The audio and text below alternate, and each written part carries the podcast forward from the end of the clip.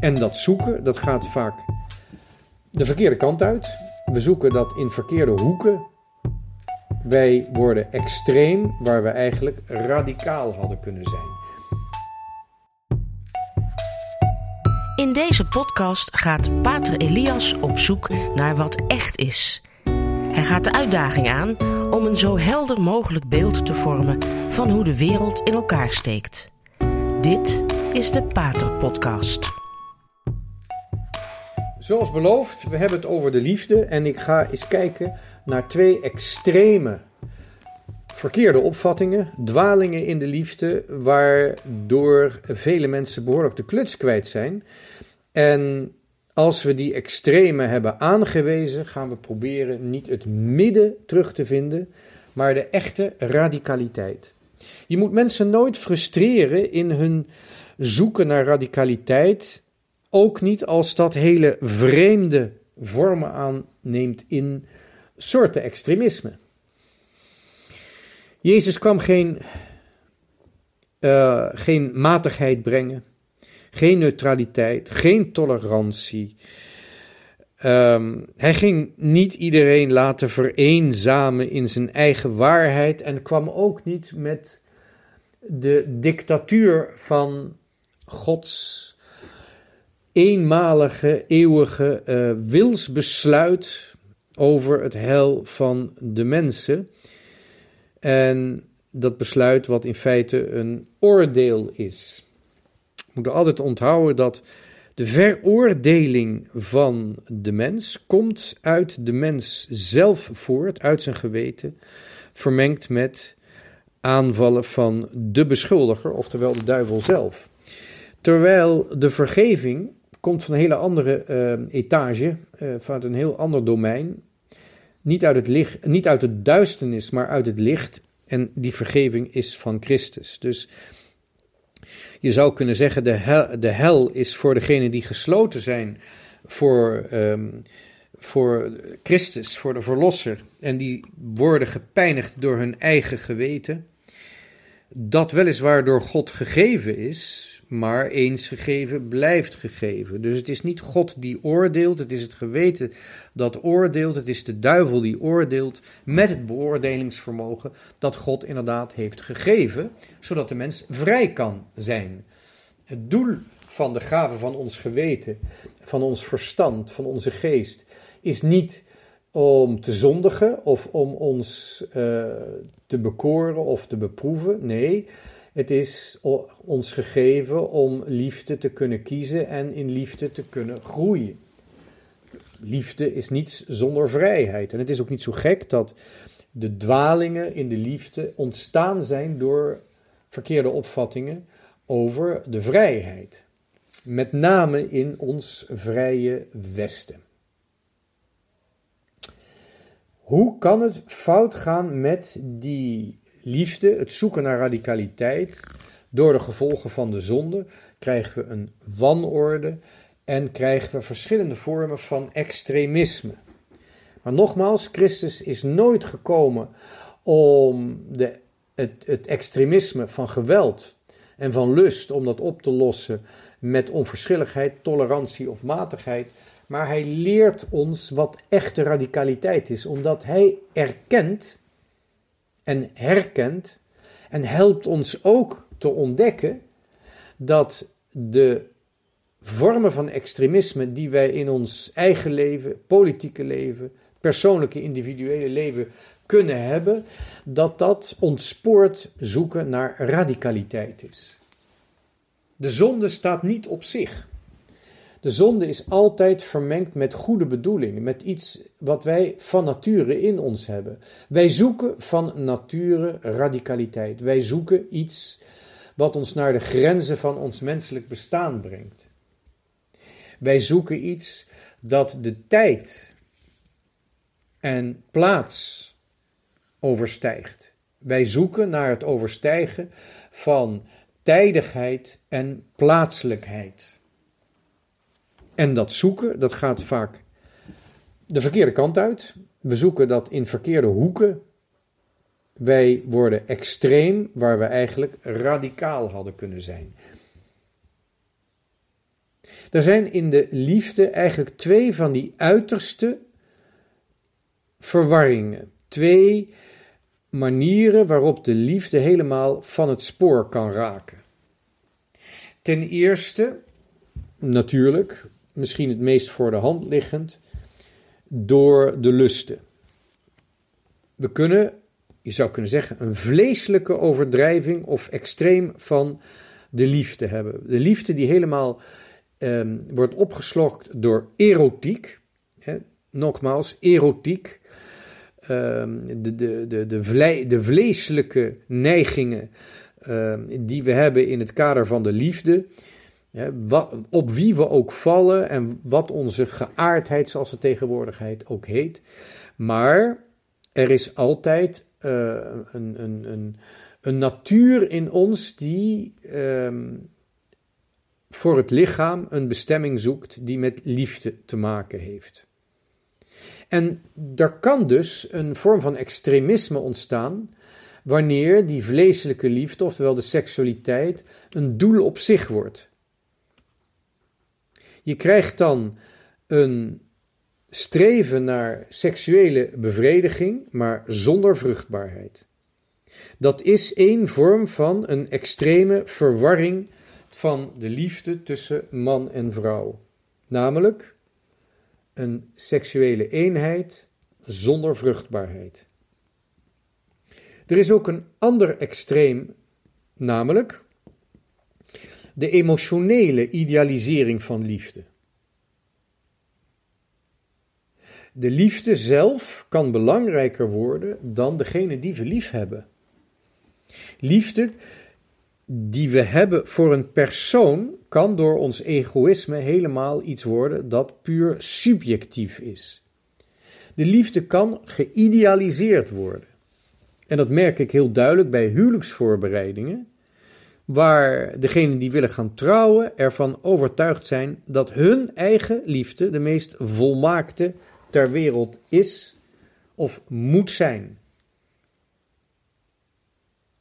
Dan krijg je dus een zoeken naar een volmaakt gevoel bij jezelf, in plaats van de ander gelukkiger te maken. Dat is die emotionele overdrijving, waarbij het niet eens meer egoïsme is, maar egocentrisme. Dat kan heel onbewust gebeuren. Daar kan alleen ons verstand, ons gezond verstand, ons van bevrijden. Het kan gebeuren dat we de liefde zo romantiseren, idealiseren, dat Valentijnsdag belangrijker wordt dan Kerstmis, dan Pasen, of de huwelijksdag, of de verjaardag van onze kinderen.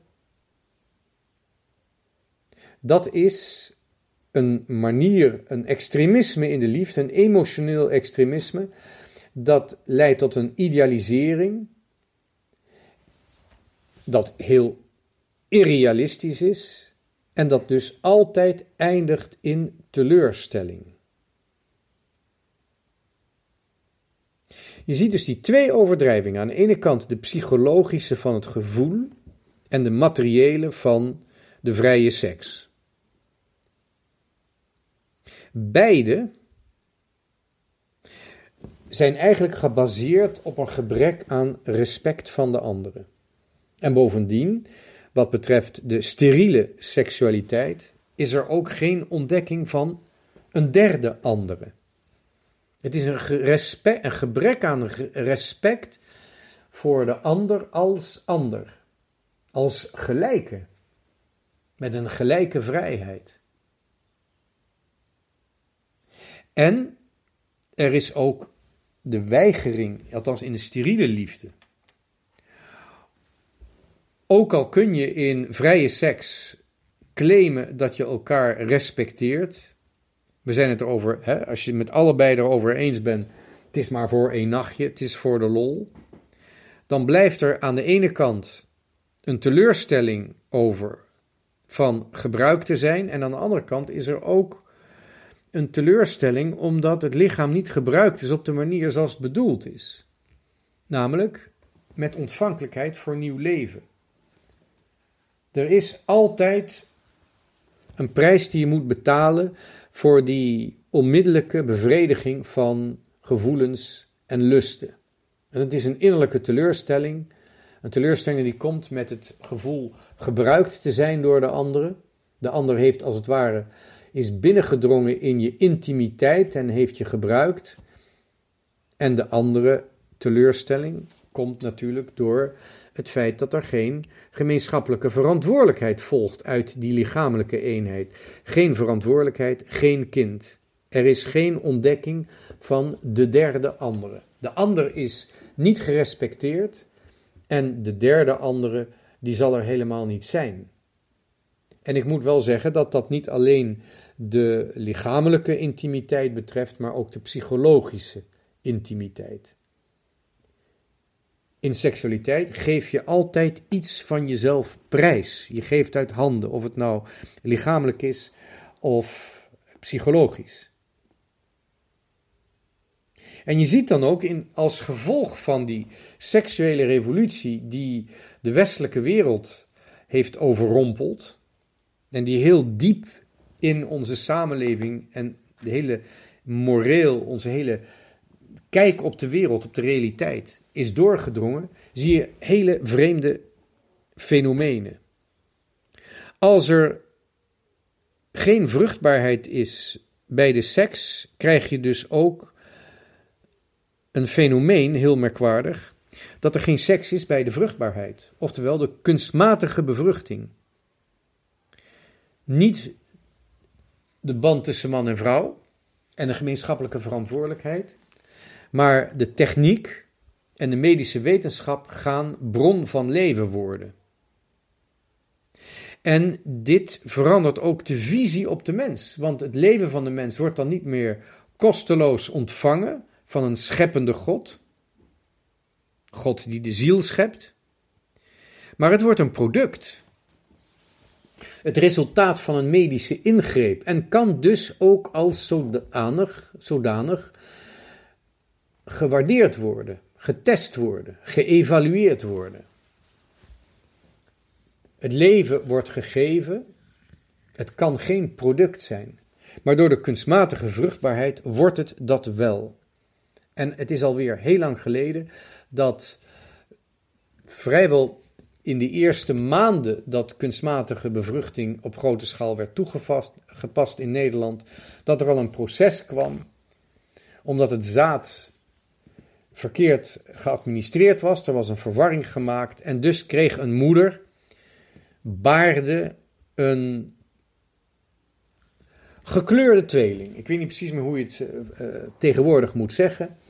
Vroeger zei je gewoon black is beautiful en, en zwart was in feite een, een geuzennaam. Tegenwoordig, um, ja, dankzij politici die zich geloof ik een beetje vervelen of die uh, gepest zijn vroeger in de klas.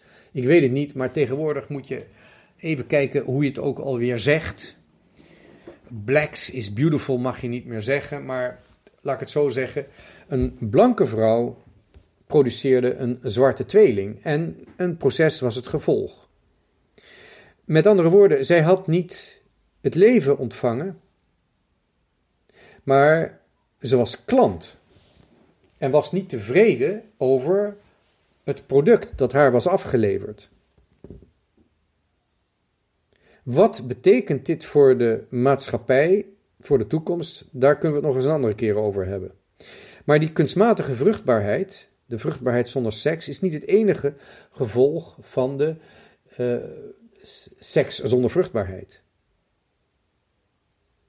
Er gebeurt ook iets anders.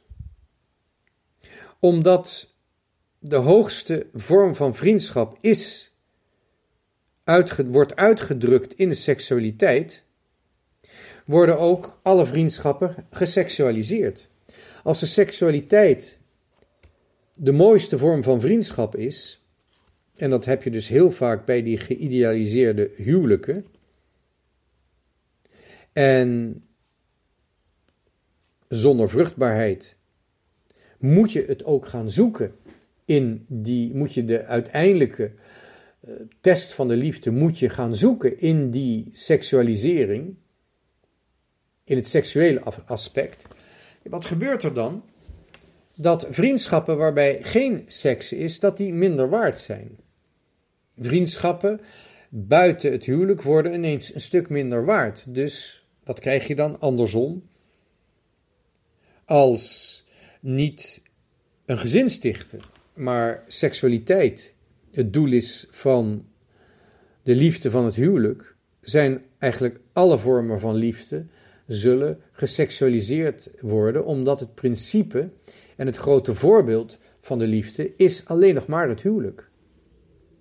Terwijl het huwelijk in feite een liefde is die ondergeschikt is aan de vruchtbaarheid en het stichten van een gezin, oftewel het doorgeven van het leven. Namens God en namens niemand anders. En dat leidt er ook toe, als er geen kinderen worden gebaard, dat er identiteitsproblemen worden gebaard. Het is heel vreemd, maar sinds de vruchtbaarheid eigenlijk een nadeel is van de seksualiteit, een vervelend bijverschijnsel, of misschien zelfs een pathologisch symptoom, want we nemen medicijnen om het te voorkomen.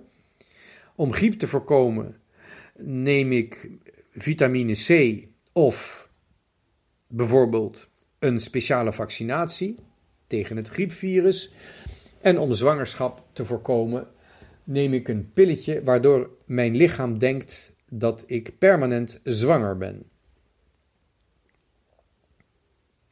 Het gekke is dat wanneer er geen nieuw gezicht wordt ontdekt bij de seksualiteit, of laat ik het zo zeggen, iets exacter, wanneer ik niet opensta voor het ontdekken van een nieuw gezicht bij de seksualiteit, dan herken ik mijn eigen gezicht niet meer. Er worden geen kinderen, maar identiteitsproblemen gebaard. En in plaats van een nieuw gezicht te ontdekken, vervreem ik mezelf van mijn eigen gezicht. Ik weet niet meer wie ik ben. En we zien het vandaag gebeuren.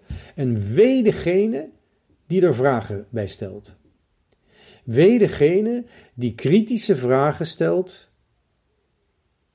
over de hele genderideologie, die ons overigens door de overheid wordt opgedrongen, uiteraard allereerst binnen de scholen. Wie het onderwijs heeft, heeft de toekomst. Wie de jeugd heeft, heeft de toekomst. Wee degene die in het openbare domein tegen de genderideologie tekeer gaat. En het feit dat het, er zo'n collectieve stilte over dit probleem bestaat en zo'n bizarre dwangmatigheid in al deze uh, zaken. Je mag het er niet over hebben, anders word je uitgerangeerd. Het feit dat die dwangmatigheid er bestaat rond de genderideologie laat zien dat blijkbaar mensen echt met die vraag zitten. Blijkbaar zien veel mensen dat dit niet klopt. Waarom willen tot man waarom willen mannen die als vrouw gekleed zijn, en dan bovendien op een monsterachtige, lelijke manier, het zijn belachelijke karikaturen van wat een vrouw kan zijn, waarom willen deze monsters in bibliotheken voor kinderen lezen? Waarom zie ik ze nooit in bejaarden, of ik zie ze überhaupt niet, maar waarom gaan ze nooit naar bejaardentehuizen? Denken ze dat die bejaarden niet eens een keer willen worden voorgelezen door een travestiet? Waarom moeten het kinderen zijn? En waarom durven ouders niet massaal te protesteren tegen deze monsterachtige waanzin? Omdat blijkbaar de mensen bang zijn door een collectieve dwangmatigheid en ook omdat ze zelf verdwaald zijn. De kluts kwijt zijn over wat liefde tussen man en vrouw werkelijk is. Wat man en vrouw zijn werkelijk betekent. We zijn de kluts flink kwijt. We denken dat man een vrouw nodig heeft en een vrouw een man nodig heeft. Een vrouw een man en een man een vrouw nodig heeft. En dat klopt. Maar het is niet het hele verhaal. Het verhaal is pas compleet als je ontdekt, als je erkent en die waarheid ook wil verdedigen, dat een kind een vader nodig heeft en een moeder nodig heeft. Pas dan zie je de zaken in een natuurlijk perspectief en kun je ook eventuele identiteitsproblemen oplossen. We gaan er volgende keer over verder. Wat zijn de dwalingen die tot extremisme leiden wat de liefde betreft? En hoe vinden we de radicaliteit van de liefde terug? Om werkelijk van het leven te kunnen houden en dus ook van onszelf. Bedankt voor het luisteren, tot de volgende keer.